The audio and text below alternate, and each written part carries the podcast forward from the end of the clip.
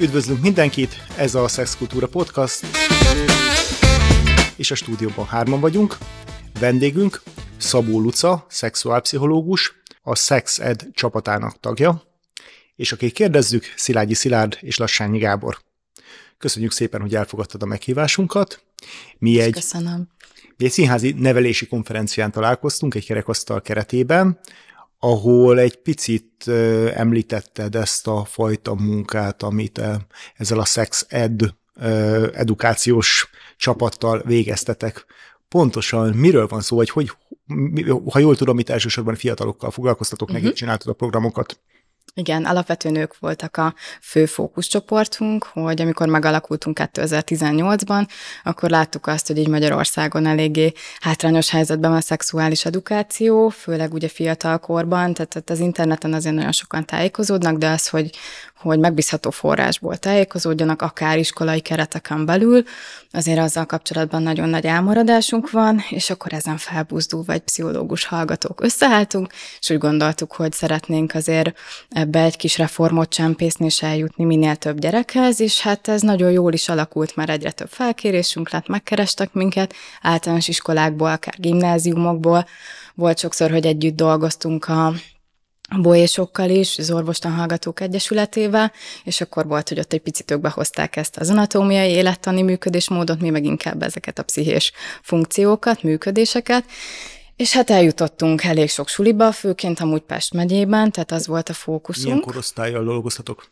Ez elég vegyes, hát a legtöbb, akikhez mentünk, az leginkább a hatodikosok. Tehát, hogy valahogy úgy jött ki a lépés, hogy a hatodik osztályosokhoz hívtak minket legtöbbször, de alapvetően akár elsősöktől, és persze a gimnazistákhoz is, tehát, hogy nyilván ott már kicsit más az a témakör, amit behozunk, de hogy általános iskolától gimiig bezárólag, és hát ezekben a helyzetekben nagyon sok infót tudtunk nyújtani a, a diákoknak, és nagyon hálások voltak, tehát hogy látszott rajtuk, hogy, hogy nagyon élvezik azt, hogy igen, van itt végre valaki, akitől lehet kérdezni, vagy hát vannak valakik, mert mindig ketten mentünk, trénerek, ketten tartottuk ezeket a foglalkozásokat, általában kétszer 45 perc volt egy ilyen ö, óra, és hát nagyon sokszor a tanárok is készségesek voltak, tehát egy-egy bioszórát, vagy bármi más beáldoztak azért, hogy mi ezeket a foglalkozásokat megtarthassuk, és tulajdonképpen így jártuk a, hát mondhatom mégis az országot is, mert akár, akár Nógrád megyerben is voltunk, tehát ilyen eléggé nem túl frekventált helyen fekvő falvakban, meg is, ott azért egy kicsit másmilyen irányvonalat kellett becélozni a kommunikációt illetően is, tehát hogy egyszerűen más az, hogy itt, itt a pesti sulikba és, és a vidéki falvakban hogy kell kommunikálni a gyerekekkel, meg hogy kell őket megfogni. És ez egész jól alakult, nagyon élveztük, és a gyerekek is, aztán jött 21-ben ez a, a törvény, és akkor tulajdonképpen ott volt egy ilyen nagy nagy megáll nekünk, hogy akkor hogy tovább, mert tulajdonképpen az a fő profil, ami mentén haladtunk, hogy gyerekeket szólítunk meg, és velük foglalkozunk, az úgy értelmét vesztette, mi van, hogy külsős egyénként mi nem mehettünk be az iskolákba. A hallgatók miatt tegyük föl, vagy tisztázzuk, hogy pontosan miről van szó, mi történt itt 2021-ben. Tehát 18-ban alakultatok, uh-huh. volt nagyjából három évetek, mínusz Covid és egyebek, de hogy, igen, hogy, igen. hogy iskolákba eljussatok mi történt 2021-ben, milyen változás volt? Hát 2021-ben ugye behozták ezt a törvényt, ami tulajdonképpen arról szól, hogy végülis a szexedukáció az marad a sulikban, de hogy külső szervezetként nem mehetünk be órák keretein belül foglalkozásokat tartani a fiataloknak, a tanárok, és akik ott működnek az iskolákban, akár iskolapszichológusok, vagy szociális munkások, tőlük nem vették el ezt a lehetőséget, tehát nyilván ők foglalkozhatnak ezzel a témával, de ők is csak úgy, hogy ugye ezt az LMBTQI vonalat nem, nem népszerűsíthetik. És ugye itt is van egy nagyon nagy zavar, hogy oké, okay, mi az, hogy népszerűsítés, tehát hogy most eljutottunk egy olyan szintre, hogy igazából aki beszélhetne ezekről a témákról, az sem megy bele semmiféle szexuális ö, témakörbe, mivel hogy nagyon félnek attól, hogy mi van, hogyha jönnek ilyen kérdések, mi van, bele kell menni ezekbe a témákba, és inkább úgy vannak, hogy akkor mindenki tisztes távolságot tart ezektől a helyzetektől, és akkor kerülik. Tehát most ott vannak a gyerekek, hogy sulin belül, iskola keretein belül nem kapnak megfelelő, hát a felvilágosítás szót nem szeretem, mert azért ők már nagyon sokat tudnak, tehát amikor a hatodikosokhoz is oda mentünk, ők már eléggé élénk és nagyon intenzív képpel rendelkeztek arról, hogy oké, okay, mi az, hogy szex, meg hogy kell ezt csinálni, de hogy az edukáció és a megfelelő információ mennyiség, meg a minőségi információ, és a kérdésekre a válaszolás, ugye azt most nincs kinek, hogy feltegyék. És én azért szerettem nagyon azt, hogy külsősként mehettünk, mert hogy abból az iskolai közegből mi kilógtunk, tehát nem az volt, hogy oké, okay, akkor az osztályfőnökkel vagy a biosztanárral ők beszélgetnek, meg felteszik a kérdéseiket, és akkor utána összefutnak a folyosón, hanem tudták, hogy mi kívülről jövünk, mi ott vagyunk abban a 245 percben, nem látnak minket, és sokkal nyíltabban, sokkal szabadabban mertek kérdezni. Ugye a nehézséget az okozza, hogy a, ez a 2021-es gyermekvédelmi törvény, ez úgy rendelkezik, hogy csak azok mehetnek be a szexuális edukációt tartani, akik egyébként rendelkeznek az erre feljogosító határozattal. Mi ezzel a helyzet? Hát ezzel az a helyzet, hogy ez még nincs. Tehát, Tehát itt szervezetek listája lenne, ugye, amit azt hiszem a miniszter, vagy nem tudom, pont államtitkár. Nincs meghatározva. Azt nem tudom, hogy valami, valami, valami, valamilyen hogy... szervezet, Igen. Állami, állami intézmény adhatná ki, hogy a listát, vagy ahová föl lehetne venni, csak hogy a lista nincsen. Igen, és nincsenek meg azok a kritériumok se, hogy ugye szervezetként, egyesületként minek kéne ahhoz nekünk megfelelni, hogy továbbra is tudjuk végezni ezt a tevékenységet. És nem csak így szervezetként, hanem nyilván én egyénként sem, tehát hiába vagyok szexuális szakpszichológus, ez a szakterületem, így sem mehetek be én a sulikba a gyerekekkel foglalkozni, mert hogy nem vagyok fenn a listán, senki nincs fenn a listán, mert hogy nincs ilyen lista. Nincs ilyen lista. Ha nem mehetsz, nem mehetünk be, tájékoztató vagy edukáló tevékenységet végezni. Az nem azt jelenti, hogy a gyerekek nem fognak tájékozódni. Honnan tájékozódnak, hogyha nem hiteles forrásból? Hát nyilván az internetről, és ott pedig hát nem árulok zsákba macskát az első legtöbbször.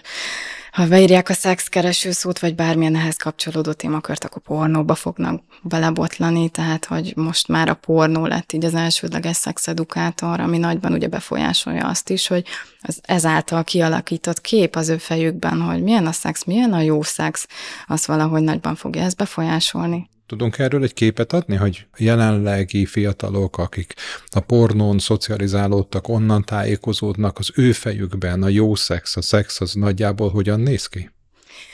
Hát én erre egy példát szeretnék behozni, ami szerintem nagyon érzékletes, hogy amikor már így a, annó még kijártunk foglalkozásokat tartani, és már itt tényleg feloldódtak, a gyerekek mártak kérdezni, akkor legtöbbször nem is ezekre az érzelmi vonalakra kérdeztek rá, vagy hogy a párkapcsolaton belül a szexualitás, hanem a, a technikákra, a gyakorlatokra, hogy nem fáj az anális szex és társai, hogy lehet minél, minél extrémebb pózokat kipróbálni, tehát hogy egyszerűen nyilván a pornó egy olyan kép, képet közvetít, ami csak a testiség. Ott egyszerűen nincsenek benne az érzelmek, nincsenek benne azok a tényezők, ami egyszerűen kell ahhoz, hogy jól működjön a szex, mondjuk a másiknak a tisztelete, meg a saját határainknak az ismerete, és a tiszteletben tartása, és ugyanúgy a partneré is, tehát hogy ezek ott mind nem jelennek meg, és pont ezért egy olyan képet közvetít feléjük, hogy a szex az a testiség, és hogy úgy lehet valaki jó szerető, hogyha ezekben a akár pornós forgatókönyvekben ő jól működik, és megfelelően tudja ezeket használni, határozott, magabiztos, és hát leginkább a lányoknál látom azt, hogy ez iszonyatos nagy elakadásokat, meg meg problémákat vet föl, mert hogy a fiúk oldaláról nyilván ez a, ez a macsó kultúra, meg ez a mindig készen kell állni a szexre, persze itt is vannak problémák, de hogy a lányoktól pedig ez a nagyon erős megfelelés, tehát hogy az a produkálás, amit ott a pornószínésznők előadnak, a többszörös orgazmus, hogy nekik mindig mindent minden helyzetben élvezni kell, és hogy tulajdonképpen a férfi, aki a főszerep nyilván a pornófilmekben, és az motiválja a nőknek a viselkedését, hogy azt a férfi partnert minél inkább és minél jobban ki tudják elégíteni. Tehát az, hogy nőként a saját szexuális élvezet, az hol jön be a képbe, az nagyon el van maradva. Tehát az, hogy például az előjáték, az, annak a hiánya, tehát hogy nem nagyon lát látunk megfelelő előjátékot ezekben a pornófilmekben, ami pedig nyilván elengedhetetlen ahhoz a legtöbb helyzetben, hogy egy igazán minőségi, jó szexuális kapcsolat jöjjön ott létre a felek között. Hogyha itt a fiatalokról beszélünk, és arról, hogy ezekről a beszélgetések, segítő beszélgetéseken, edukációs programokon ott voltak mondjuk itt a kiskamaszok vagy kamaszok, kamaszkorosztály, tudtak egyáltalán beszélni? Voltak erre szavaik? Normális szavaik? Tudták fejezni magukat? Uh-huh, hát ez azért jó kérdés, mert hogy egy összességében nem tudom rávágni, hogy igen, mert hogy ez attól is függ, hogy milyen kamaszokról beszélünk. Uh-huh. Tehát például járunk gyermekotthonokba is, az ottani gyerekekkel foglalkozni, és nekik például nincsenek szavaik, tehát hogy velük nagyon nehéz már maga az, az alapvető kommunikáció, hogy hogyan is fejezzünk ki magunkat, Ö, ilyen pesti iskolákban, gimikben azért, azért vannak szavaik, jól tudnak kommunikálni, de hogy nagyon felületes, tehát hogy nagyon hiányos az a tudás, ami alap, amik alapján ők meg tudják azt fogalmazni, hogy amúgy mi van a fejükben, akár hogy milyen kérdéseik vannak, mert hogy nyilván ezekből a, a pornós, a pornófilmekből megint csak nem arra motiválja őket, hogy akkor ezen a szintéren egy picit mélyebbre ássanak, hogy megnézzék azt, hogy, hogy igen, van-e még emellé valami hivatalos vagy megbízható forrás, forrás, inkább úgy mondjam, amire uh-huh. tudnának alapozni, és nyilván a pornóban nem, nem túl szofisztikált kifejezéseket használnak, és ezeket nagyon sokszor amúgy átveszik. Tehát az, hogy mondjuk a kedvenc pornószínésznőknek a neve, hogyha csak ezen a szintéren maradunk, vagy az, hogy a, a pózoknak a neve, azok a kifejezések, azok a keresési szóhasználatok, amit mondjuk a pornó websájtokon azért találni, azokkal tökre tisztában vannak, mert hogy ezeket használják, azt lehet mondani, hogy napi szinten, de az, hogy alapvetően mondjuk a, a nemi szervekre szinonimák, vagy akár az ott a szex közben történő folyamatoknak a megnevezése, azzal kapcsolatban már azért vannak elmaradásaik. Anatómiai ismeretei, főleg a lányoknak, azok mennyire relevánsak? Hát igen, ez is egy nagyon jó kérdés, mert hogy még talán ez így megmaradt, hogy mondjuk a menstruációról beszélgetnek velük, meg azért a védőnő ezekben a témákban foglalkozik velük, de hogy azt is későn. Uh-huh. Tehát az, hogy hogy mire már menstruál egy lány, addigra elkezdeni vele beszélgetni a menstruációról, az már rég késő. Tehát, hogy a, a prevenció, hogy időben készítsük fel őket, az, az teljesen elmarad. És ez is nagyon-nagyon széles körben változik, tehát, hogy a, főleg a hátrányos helyzetű gyerekeknél látom azt, hogy alapvető problémák, tehát az, hogy mondjuk a, igen, a fiúknak nincsen méhe, meg hogy a menstruáció az egy női dolog, nem, nem tudnak ebben különbséget tenni, nem tudják azt, hogy, hogy a sperma, az ondó, meg ezek a kifejezések kihez kapcsolódik, hogy működik alapvetően a szexuális funkcionálás, de csinálják. Tehát, hogy az már meg volt csinálni, csinálják, de nem tudják, hogy mi, hogy működik. Egy pici kitérődbe. Ugye, ma, ugye úgy mutattalak be, hogy szexuálpszichológus, most itt egy picit talán a hallgatóink közül sincs mindenki tisztában, hogy ez pontosan mit jelent.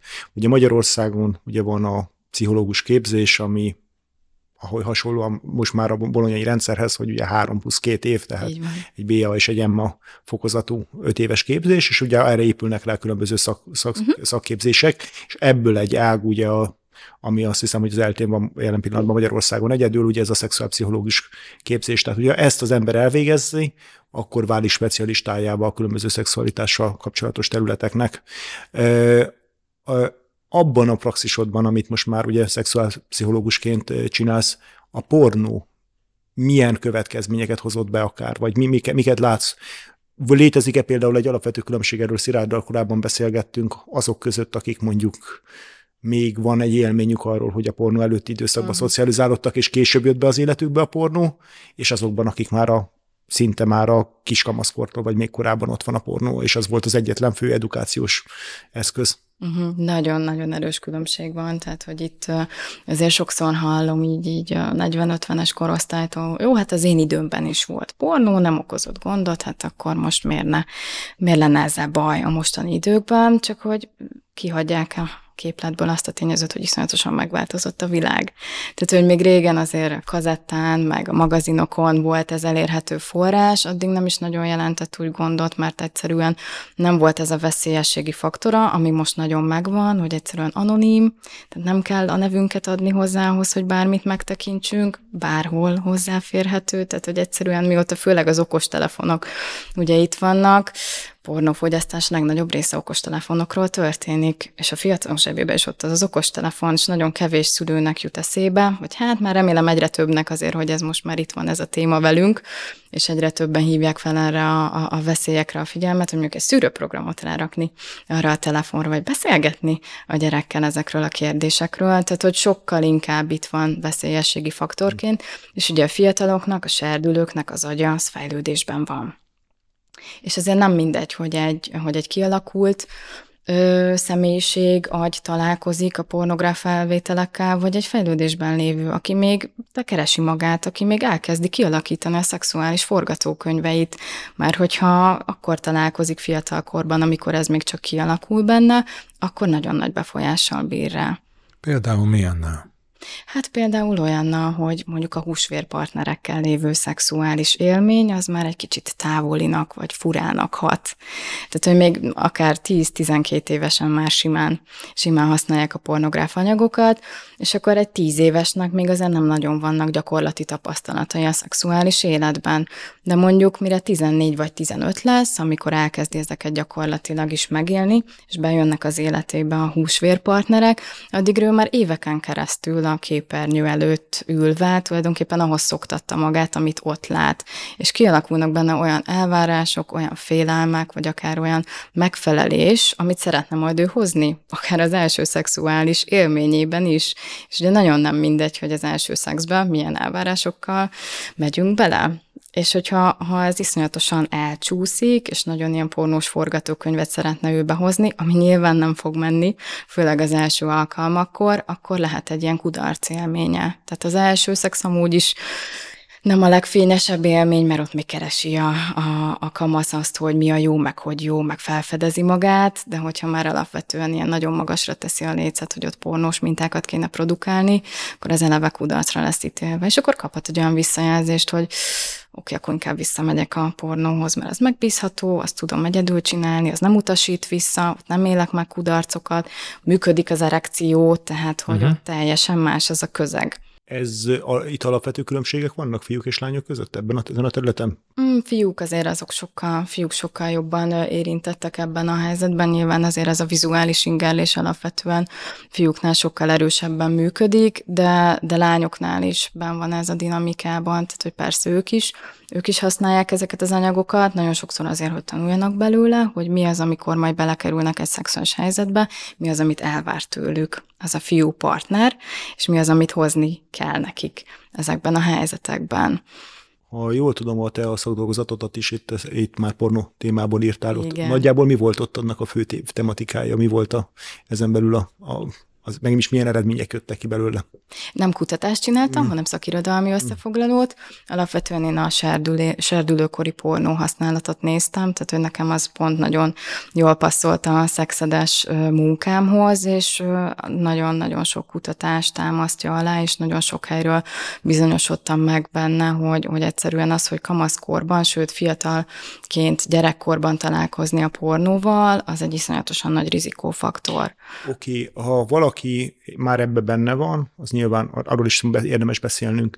Például mit tanácsolnál mondjuk 8-10 éves gyerekekkel bíró szülőknek, uh-huh. hogy hogyan viszonyuljanak, már amennyiben mondjuk okostelefon lesz előbb-utóbb a gyerekeik kezében, akkor, akkor hogyan viszonyuljanak a pornóhoz? Tiltó programok rakjanak rá, ilyen ö, forgalomfigyelési programot, egyebet, vagy mit csináljanak, vagy milyen tanácsokat tudsz mondjuk uh-huh, szülőknek adni ezen a téren? Alapvetően ezt nem lehet százszázalékosan kizárni, tehát tök jó, hogyha ha van valami szűrőprogram azon a telefonon, de valószínűleg nem mindegyik osztálytársnak lesz a uh-huh, telefonján uh-huh. szűrőprogram. Tehát az, hogy előbb-utóbb ebbe bele fognak futni a gyerekek, az kivéthetetlen, ezért itt én megint csak a prevenciót mondanám, hogy beszél beszélgetni, még mielőtt ő találkozik ilyen tartalommal, hogy igen, az a gyerek az életkorának megfelelően mit gondol a szexualitásról, mi az, ami őt érdekli, mi az, ami foglalkoztatja. De ugye ez egy hosszú folyamat, tehát annak meg kell ágyazni, hogy az a gyerek 8-10 évesen mondjuk merjen szólni egyáltalán a szülőnek azzal kapcsolatban, hogy esetleg valami felkavaró tartalmat mm. látott ott az interneten, és hogy akkor most ezt hova rakja az ő fejében, és nem értik, hogy mi történik, és adott esetben meg is ijedhet. Tehát, hogy lehetnek ilyen nagyon szélsőséges élmények is, de nagyon jó, hogyha a szülő egy olyan közeget biztosít a gyereknek, és, és akár jelzi is neki többször, mm. hogy, hogy lehet erről beszélgetni, ha vannak kérdései, tegye fel nyugodtan, és szülőként ez egy nagyon ilyen para helyzet, tehát, hogy sokszor felnőttként se tudnak jól beszélni az emberek a szexről, a gyerekkel meg még nehezebb. Mi az a kor, amikor mondjuk mint pornót, mint témát behoznád mindenképpen? Hát én nem mondanék ide kort, hanem ide is azt mondanám, hogy a gyerek érdeklődésének megfelelően, és az, hogy mondjuk a mindennapi témákban ott lehessen az, hogy mi történt ma a suliban, és ha adott esetben az történt, hogy feljött a szex, mint téma, akkor ebbe bele lehessen vele menni. Oké, okay. azért itt én azt gondolom, hogy tapasztalatok alapján, és ez most még csak feltétlenül saját tapasztalataim, hogy azért itt nagyon eltérő gyerek attitűdök vannak. Egy konkrétan egy ismerősömmel történt meg, hogy azt hiszem, hogy 10-12 éves gyereke mondta, hogy elkezdtek volna beszélni a szexről, és akkor így közölte vele, hogy azt hiszem, hogy apa, te akartál volna a saját apáddal beszélgetni a szexről? És akkor hát ugye a válasz az volt, hogy hát nem, nem, hát akkor szerintem maradjunk ennyibe. És akkor itt lezárult és a beszélgetés. És lezárult a beszélgetés, igen. Na, hát ott gondolom nem az volt, hogy egészen picikora óta ez egy ilyen igen, igen. rendben lévő téma volt, mert uh-huh. ugye nagyon sokat számít az, hogy, hogy szülőként mi az az üzenet, uh-huh. amit mhm. közvetítünk uh-huh. a gyereknek, hogy ez uh-huh. ugyanolyan téma, mint bármi más az életünkben, uh-huh. erről is lehet beszélgetni, azt is megbeszéljük, hogy mi volt a bevásárlás, meg hogy mit főzünk uh-huh. másnap, azt is megbeszéljük, hogy a szexuális fejlődés az hogy alakul a gyereknek az életében, és hogyha ez egy teljesen tulajdonképpen beleépített folyamat a mindennapokba, mert úgyis kérdezni fog a gyerek, tehát hogy előbb-utóbb akár az az oviskor, az, amikor mondjuk érdeklődik a másik nem iránt, vagy a saját neme iránt, vagy hogy az anatómiai felépítések hogy vannak. Tehát, hogy ez, ők nem tudják, hogy ez egy tabu téma. Aha. hanem a szülői visszajelzésekből fogják azt levonni, hogy fú, na, hát most látom, hogy anya vagy apa olyan kellemetlenül érzi magát, vagy el, elintézi a szülő legtöbbször, hogy te még ez kicsi vagy, erről még most nem beszélgetünk, és akkor a gyerek az, az tök okos, és akkor le fogja szűrni azt, hogy jó, hát akkor erről nem kérdezek, mert nem szeretjük a szüleinket ilyen zavarba ejtő állapotban látni, vagy esetleg akár indulatosan reagálni, sokszor a szülőkben benne van az is, hogy a, a, a saját kompetenciájuk, tehát hogy mit tudnak átadni erről a témáról. Meg hát, hogy ők maguk rendben vannak teljesen az életnek uh-huh. ezzel a területével. Pontosan, pontosan, és, és nagyon nehéz ezeket levetkőzni ilyenkor, mikor kérdez a gyerek.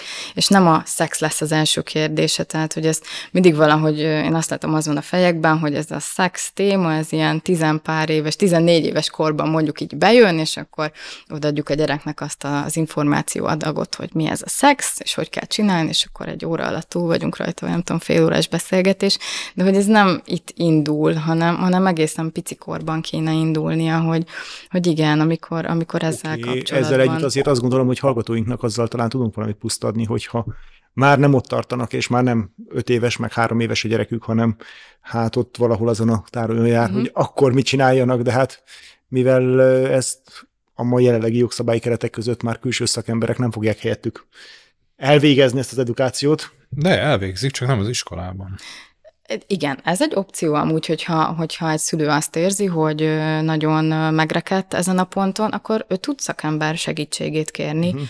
Tehát, hogy akár igen, lehet mondjuk szexuális szakpszichológushoz elmenni, és mondjuk beszélgetni arról, hogy oké, okay, ez a helyzet, nyilván egyénre lebontva, tehát, hogy nem mindenkinek ugyanazok a körülmények, nem mindenkinek ugyanaz a személyisége, és hogy egy picit így személyre szabott szexuális nevelés segítséget adni a szülőnek. Uh-huh. Vagy akár, ha, ha ő nagyon idegenkedik a témától, mert ezt is szoktam mondani a szülőknek, hogy, hogy amit, ami nagyon távol áll tőle, amiben nem érzi jól magát, azt, azt nem fogja tudni ő se jól és gördülékenyen csinálni, hogy akkor, akkor lehet keresni akár, hogy a, a gyereknek szexuális edukációs helyzeteket, akár szakembert, akár vannak megbízható oldalak, ahonnan lehet tájékozódni, tehát hogy ezt úgy meg lehet oldani, csak az a fontos, hogy legalább valami üzenetet közvetítsen a szülő, hogy igen, ha kérdésed van, tedd föl, és akkor keressünk rá választ, vagy megoldjuk azt, hogy, hogy legyen, legyenek ezekre a kérdésekre neked megfelelő válaszok, mert hogy például a pornó az, az nem feltétlenül lesz a megfelelő megfelelő válasz. Ha már ezt mondtad, hogy a pornó nem megfelelő válasz. Nyilván a, az a korosztály, aki onnan szocializálódott, annak megvan a maga terhe, és ezt azt gondolom, hogy kezelni kell tudni majd a jövőben. Azt szeretném kérdezni visszautalva a tapasztalataidra, hogy volt-e nyitottság egyáltalán arra, hogy magát a szexualitást azt valamilyen érzelmi folyamatnak is tekintsék, ne csak testi folyamatnak. Gyerekek részéről? Igen.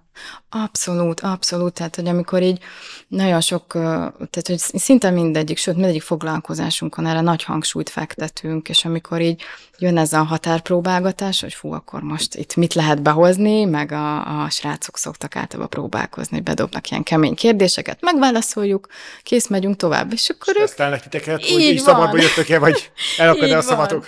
És látják, hogy na, itt most erről lehet beszélgetni, és akkor ha ezek a sürgető, sürgetett kérdések megválaszolásra kerülnek, akkor mindig kinyitjuk ezt a témát, sőt már az elején akár csoportos feladatokat hozunk nekik, és nem csak azzal foglalkozunk, hogy jó szex, meg mondjuk védekezés, ami zárójelben igen megint csak hiányos a, a pornóban, mondjuk az óvszerhasználat, hanem az is, hogy oké, okay, akár párkapcsolaton belül, akár az egy éjszakás kalandoknál is, hogy meglegyen az a mondjuk a nemetmondásnak a lehetősége.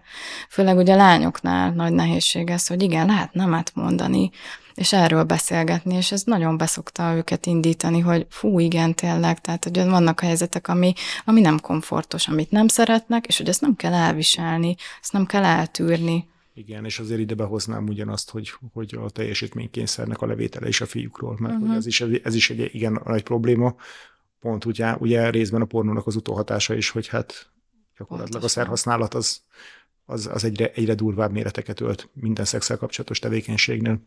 Pontosan, meg ez a kockázatvállaló magatartás, tehát hogy ez erre is azért van jó pár kutatás, hogy, hogy akik már ilyen nagyon-nagyon fiatal korban eléggé keményen használják a pornókat, akkor az sokkal jobban benne van, hogy, hogy a kockázatvállaló magatartás megnövekszik. Ezekről is szoktunk velük beszélgetni, de picit visszatérve, hogy igen, a, még az érzelmek is, tehát hogy egyáltalán beazonosítani, hogy mondjuk egy szexuális helyzetben mik azok az érzelmek, amikkel ők találkoznak, előtte, utána, alatta, akár közben is lehet nemet mondani, és hogy igen, ismerjék az ő sajátos működésüket, legyenek tisztában a reakcióikkal, és hogy ennek fényében hozzák meg azokat a döntéseket, ami nekik a legjobb, és hogy akár az, hogy mondjuk ha érzelem nélkül van egy szexuális helyzet, ami nekik nem jó, akkor arra is ki lehet állni magukért, és azt mondani, hogy én, én ebből szeretnék kimaradni, akár fiúk, akár lányok, mindenki, bárki.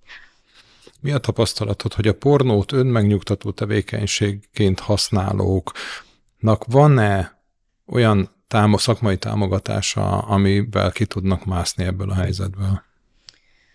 Hát, ha eljönnek, igen, én azt mondanám, hogy itt nálunk, a, ami a legkézenfekvőbb, hogyha eljönnek szakemberhez, ha elmennek és kérnek segítséget, aki motivált, tök jól lehet haladni, tehát hogy nem ez, ez nem egy ilyen nagyon erős zsákutca, hanem ezek az agyi, agyi folyamatok vissza is fordíthatók, tehát az agy egy plastikus szerv, úgyhogy ezt ki lehet használni. Létezik olyan, hogy pornófüggős?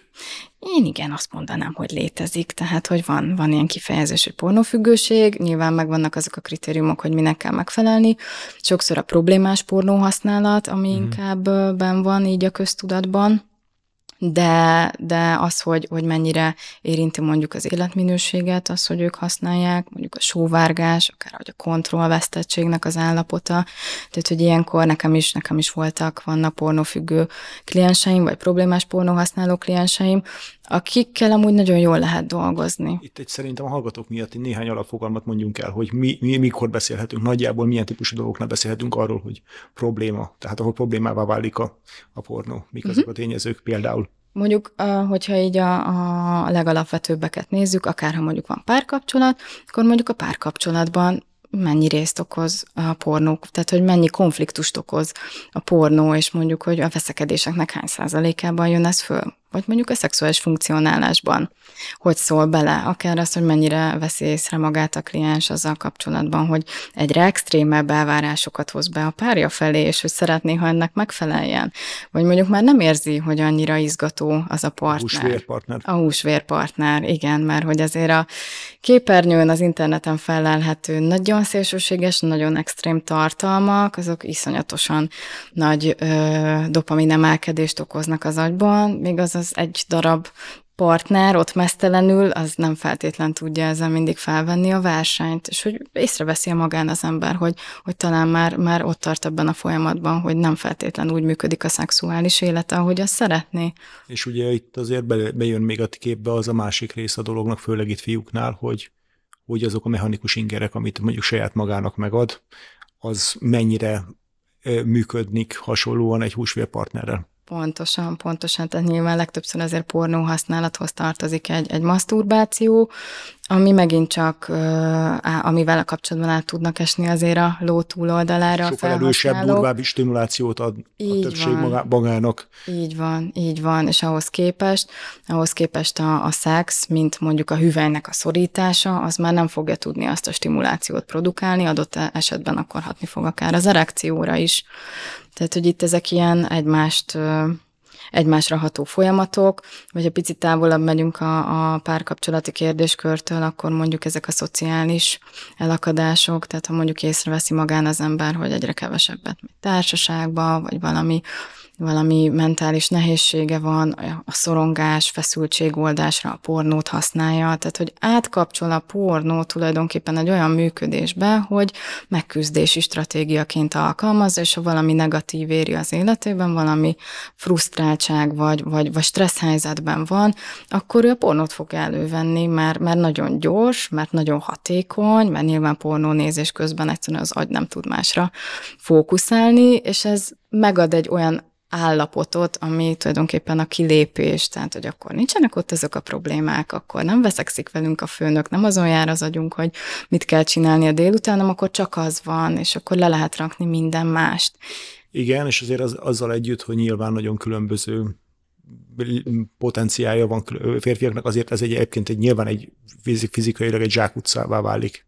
Mert hogy nyilván, hogyha valaki ezt egy valamennyi mennyiséget túllép, akkor onnantól kezdve már egy ilyen, egy, egy, egy ilyen, ilyen túl, túlingerelt állapotban már nem fog tudni már élvezetet se nyelni belőle. Persze, meg hát ugye az, hogy azokat a szexuális energiákat belepakolja a pornóba, és még nem a partnerbe, uh-huh. hanem a párkapcsolatba. Ha egyáltalán van neki még. Ha egyáltalán van, ha meg nincs, akkor nyilván akkor is lehet monitorozni, hogy ez a pornófogyasztás milyen szerepet tölt be az ő életében. Oké, okay. mit tehet valaki, aki a, a, nyilván azt, azt számítva, hogy elmenjen egy megfelelően képzett szakemberhez, és itt a szerintem nagyon fontos elmondani, egy olyan országban, ahol szerintem igen szép számmal vannak különböző kuruzslók és mindenféle egyéb technikákat ígér, ígérő nem szakemberek, tehát azért lássuk be, hogy ezekkel a témákkal szakképzett szakemberek, pszichológusok, szexológiával, tudományos szinten rendesen megfelelő képzettséggel foglalkozó emberek jelentik a megfelelő szakembereket, mindenféle alternatív kuruzslások, ezek a legritkább esetben fognak működni, vagy legfeljebb placebo hatással uh-huh. működhetnek, de hát ott egy ilyen terápiában mik történhetnek. Gyakorlatilag a cél az az, hogy megszűnjön az, ami pornó az életéből valamilyen módon kiiktatódjon? Hát nyilván ez megint csak személyre szabott, tehát mm. hogy mindig meg szoktam kérdezni, mi a cél, ők mm. mit szeretnének elérni.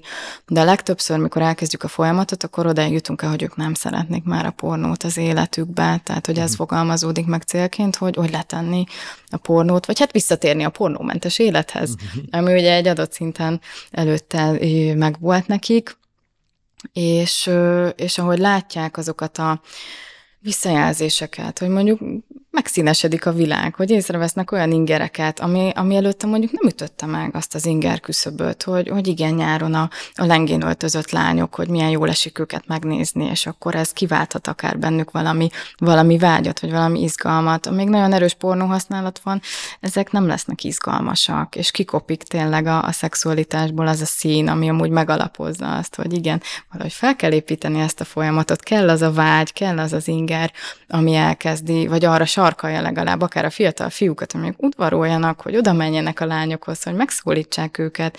Tehát én nagyon sokszor látom ezt is, hogy, hogy nem mernek, mert akkor igen, a visszautasítás, a kudarcnak az élménye, és akkor, akkor megint csak oda kerül vissza a sor, hogy akkor a pornó, mert, mert ott nem, az egy biztonságos terep, tehát úgy élik meg, hogy, hogy akkor nem kell mindenféle akadályon végigmenniük oké, okay, beszéltél arról, hogy visszatérni a pornómentes élethez. Na, de mi a helyzet azokkal, akik gyakorlatilag már a érésüknek a hajnalától kezdve ott volt a pornó? Uh-huh.